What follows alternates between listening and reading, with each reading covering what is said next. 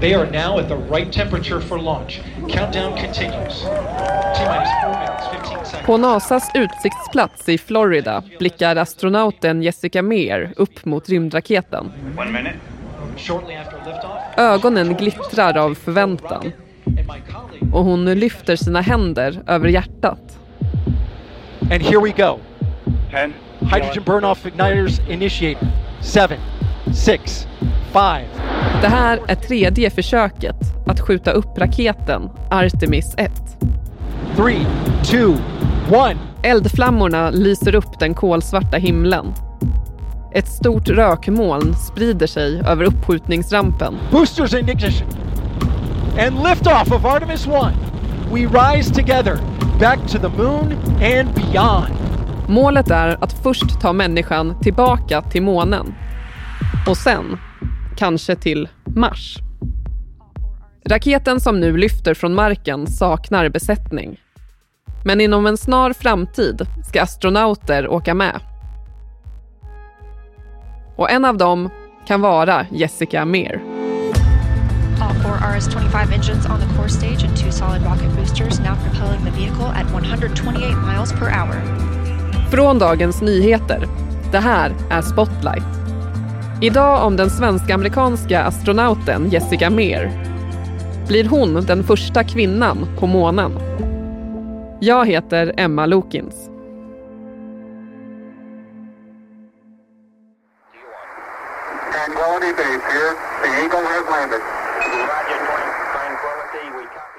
När astronauten Neil Armstrong tar de första stegen på månens yta den 20 juli 1969 är det en triumf för amerikanerna.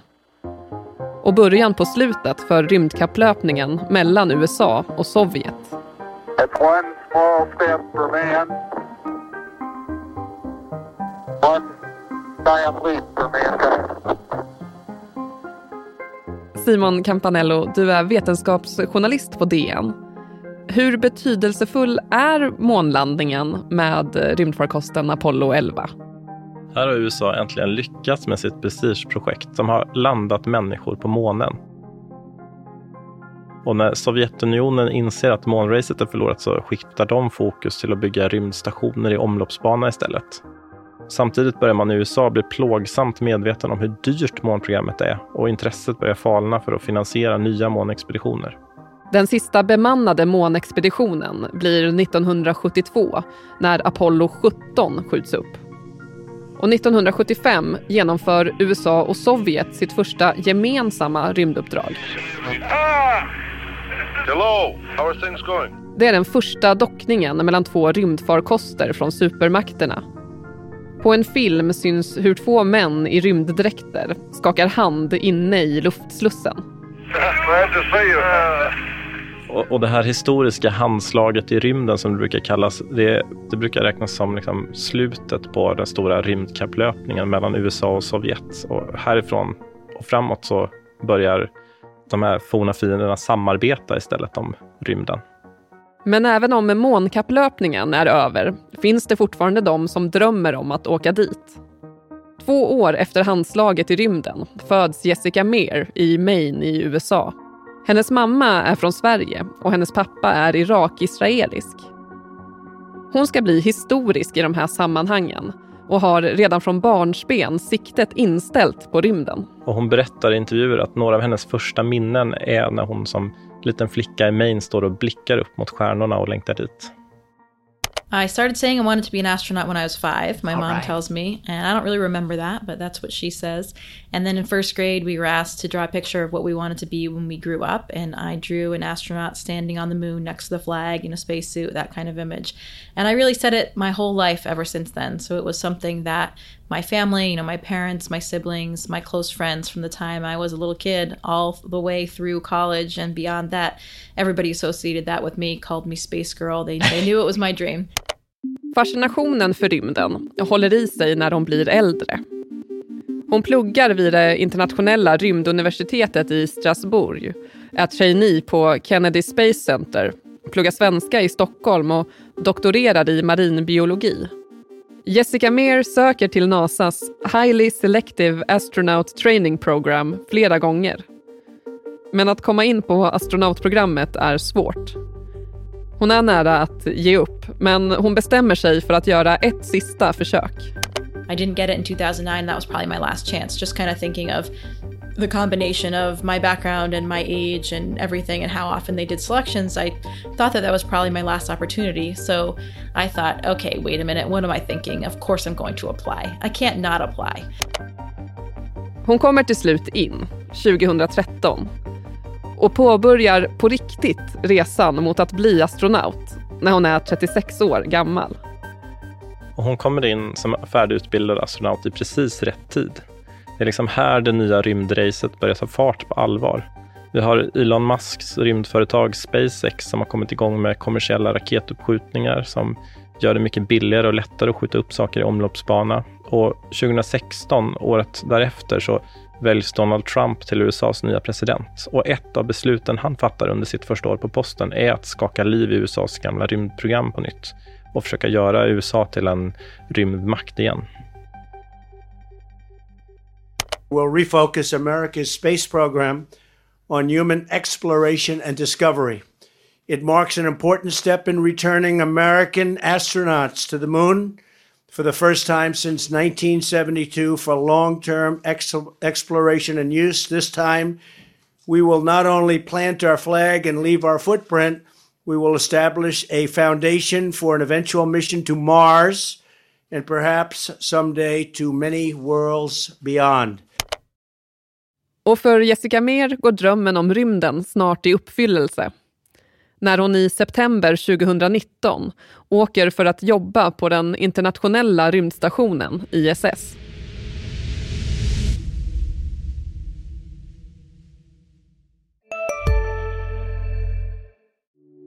Hej, Ulf Kristersson här. På många sätt är det en mörk tid vi lever i.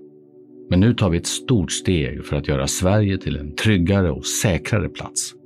Sverige är nu medlem i Nato. En för alla, alla för en. Har du också valt att bli egen?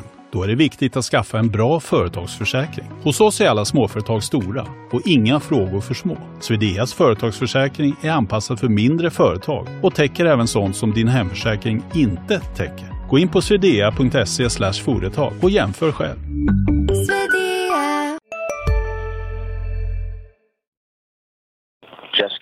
Christina, we are so proud of you. You're going to do great today. We'll be waiting for you here in a couple hours when you get home. Drew, thank you so much. It's been our pleasure working with you this morning. Med fötterna först flyter Jessica Mer ut ur en luftsluss som ser ut att vara klädd i silkespapper. Egentligen är det ett lager av det tåliga materialet kevlar som skyddar utsidan av den internationella rymdstationen. Med sig ut har hon ett verktygsbälte. I'm going forward and I've got a waist down. Copy Jessica's egressing 10 seconds to a 20 second handover. Det är den 18 oktober 2019 och första gången ett team med bara kvinnor genomför en rymdpromenad. Tillsammans med sin astronautkollega Christina Cook ska de byta ut en trasig batteriladdningsenhet. Copy Jessica. We copy the buddy checks on EV1. And uh, would, you, would you both please uh, give us a baseline hap check? Att göra reparationer på utsidan av den internationella rymdstationen, det är nog någon av de mest extrema miljöer som människor någonsin har jobbat i. De befinner sig 400 kilometer över jordytan och de är fasthakade i en farkost som färdas i 28 000 kilometer i timmen. Och där ute ska de befinna sig i många timmar iförda klumpiga rymddräkter och ska liksom genomföra väldigt precisa och kritiska och noggrant planerade uppdrag. Det blir totalt 7 timmar och 17 minuter ute i rymdens vakuum. Under den tiden hinner de färdas nästan fem varv runt jorden. Efter det lyckade uppdraget ringer USAs president Donald Trump upp Jessica Mer och Christina Cook. What would you like to tell everyone listening and watching today, especially young women who are interested in space? You know, for us, it's just coming out here and doing our job today. We were the we were the crew that was tasked with this assignment. At the same time, we recognize that it is a historic achievement, and we do, of course, want to give credit to all those that came before us. There's been a long line of female scientists, explorers, engineers, and astronauts, and we have followed in their footsteps to get us where we are today. Presidenten gratulerar dem, men pekar också ut det stora målet. Att ta människan till Mars. You're doing an incredible job. This is a first step uh, because we're going to the moon and then we're going to Mars. We're launching from the moon, most likely. I seem to think that's the best way of doing it, Jim. So we're launching from the moon, and I just want to congratulate you both. You're very brave, brilliant women, and you represent this country so well. First the moon, and then we go to Mars. USAs nya rymdprogram får 2019 namnet Artemis. Det blir en slags efterträdare till Apollo-programmet. Men Simon, det är inte bara USA som har meddelat att de vill åka till månen igen. Nej, vi befinner oss faktiskt i ett nytt rymdrace just nu. Men den här gången så är det inte bara supermakterna som är involverade. Förutom USA, Ryssland och Kina har både Indien och Japan börjat genomföra avancerade rymduppdrag. Och precis som det här rymdracet under 60 och 70-talet så finns det såklart en prestige i det. Alltså månen är fortfarande relativt outforskat territorium och det är ju bara USA som i dagsläget har eh, landstigit på månen. Så där finns det såklart en konkurrens om att vara först med att göra det i den här nya omgången. Och sen har vi jakten på resurser, helt enkelt vatten och mineraler på månen. För även om det har blivit mycket billigare att skjuta upp saker i rymden i takt med att vi har börjat bygga bättre och bättre raketer, så är det fortfarande otroligt dyrt. Varje kilogram som ska fraktas upp i rymden kostar astronomiska summor. För att skapa ett mer storskaligt rymdprogram med permanenta månbaser och expeditioner till andra planeter, vilket många länder och företag ser framför sig, så behöver vi kunna tillverka till exempel raketbränsle och andra förnödenheter ute i rymden och månen kan liksom bli nyckeln till det här. Hur då? Ja, men om vi tittar på raketbränsle så vatten det består av väte och syreatomer. Och man kan använda sig av en metod som kallas för elektrolys för att dela upp de här atomerna och då har du plötsligt väte och syre och då har du ingredienserna för att göra raketbränsle. Så vi skulle kunna använda vattnet på månen, utföra elektrolys och sen tanka raketerna där istället för att skjuta upp raketbränsle i omloppsbana. Okej, det är vad man hoppas kunna göra nu. Men vad lärde man sig av det senaste månracet? Ja, Apollo-programmet gav några av de största tekniska och vetenskapliga genombrotten i mänsklighetens historia. Det lägger framförallt grunden för moderna datorer. Den första kiselbaserade chippet i en dator är satt i eh, Apollo-programmets styrdator. Det är liksom den typen av chip som idag sitter i alla mobiltelefoner och datorer och allt sånt vi har. Och samtidigt så skjutsar det på utvecklingen av allt ifrån solpaneler och trådlös kommunikation till digitalfoto. Man har ju lyckats landa på månen en gång redan. Så borde det inte vara relativt enkelt att göra det igen? Det är svårt att landa på månen. Och den här första månlandningen 1969 höll ju på att eh, misslyckas också för att landningsområdet som man hade valt hade stora stenar och bränslet höll på att ta slut innan Neil Armstrong lyckades ratta rätt och hitta en landningsplats. Och det är några saker som gör att det är svårt att landa på månen. Dels har det en annan tyngdkraft än på jorden, eh, vilket gör det lite svårare att simulera i en dator hur landningen kommer gå till. Och så finns det inget luftmotstånd, vilket gör att det är mycket svårare att styra rätt för du måste använda landarens motorer hela vägen istället för att kunna använda dig av luften för att liksom, få en naturlig bromsning. Och då ska den här månlandaren gå från att färdas i flera tusen kilometer i timmen när den kommer ner mot månen till att komma ner till noll vid landningstillfället för att inte krascha. Hur kommer det sig att det är fler länder som nu har möjlighet att ge sig in i det här rymdracet? Ja, men nyckeln är väl egentligen att det har blivit så pass mycket billigare att skjuta upp saker i omloppsbana.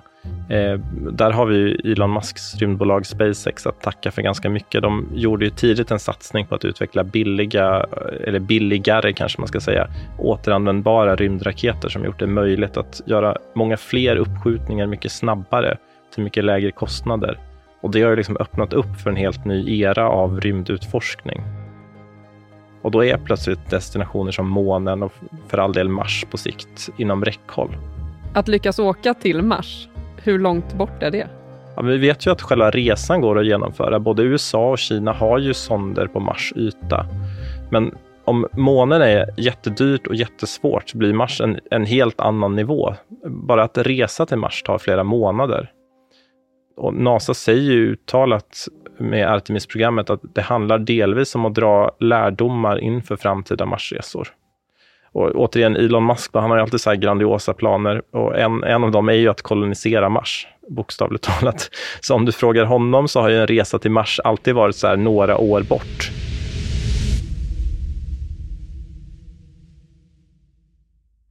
I september 2020 landar Jessica Meir på jorden igen efter sju månader i rymden.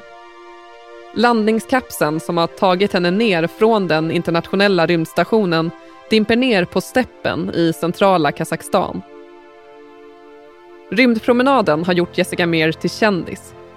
Hon åker på en föreläsningsturné i Sverige, träffar kungafamiljen och sommarpratar i Sveriges Radio. Men alla spännande grejer som händer inom rymdforskningen gör att hon längtar bort från jorden igen.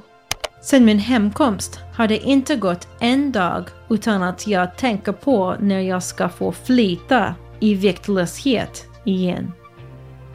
Tyngdkraften är definitivt överskattad. Förhoppningsvis behöver jag inte vänta allt för länge. För det är en extremt spännande tid för oss astronauter. Ja, för snart ska USA skicka upp sin första månraket, Artemis 1. Det är det första steget mot att sätta människan på månen igen. Det är en del misslyckade försök. Två planerade uppskjutningar får avbrytas på grund av bränsleläckor. Men i november 2022 lyckas uppskjutningen. Det är den där obemannade raketen som Jessica Meir förväntansfullt ser skjutas upp i Florida.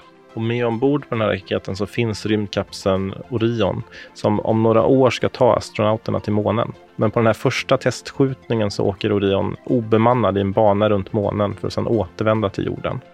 Och den 11 december 2022 så landar rymdkapseln i Stilla havets vågor och det första uppdraget i Artemis-programmet är avklarat. Och nu undrar många vilka astronauter som ska få bemanna rymdkapseln nästa gång den skjuts upp.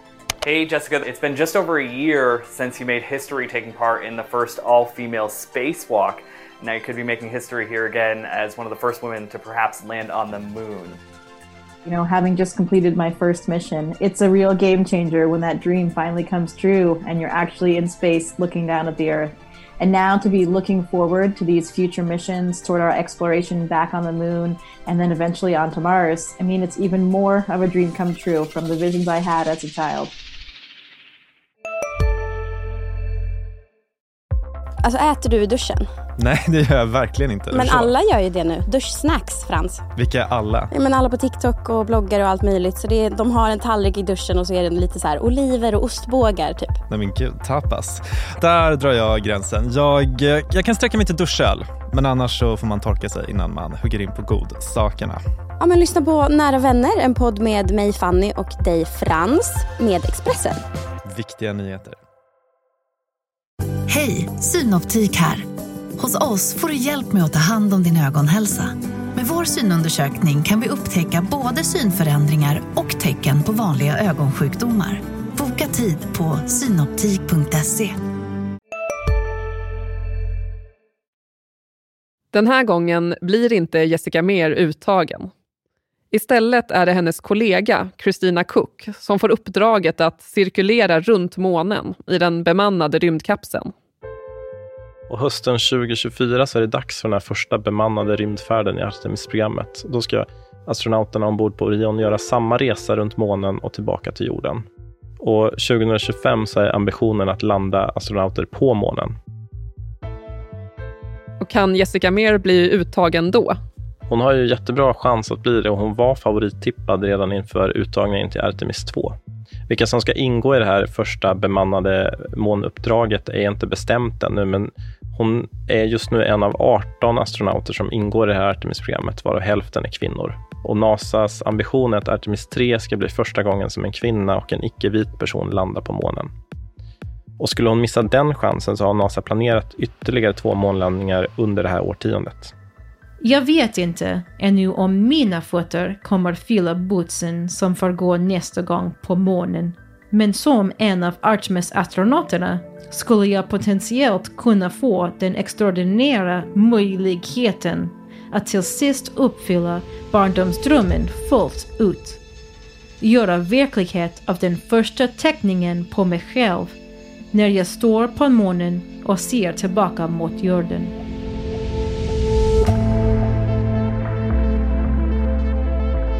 Du har lyssnat på Spotlight med mig, Emma Lokins.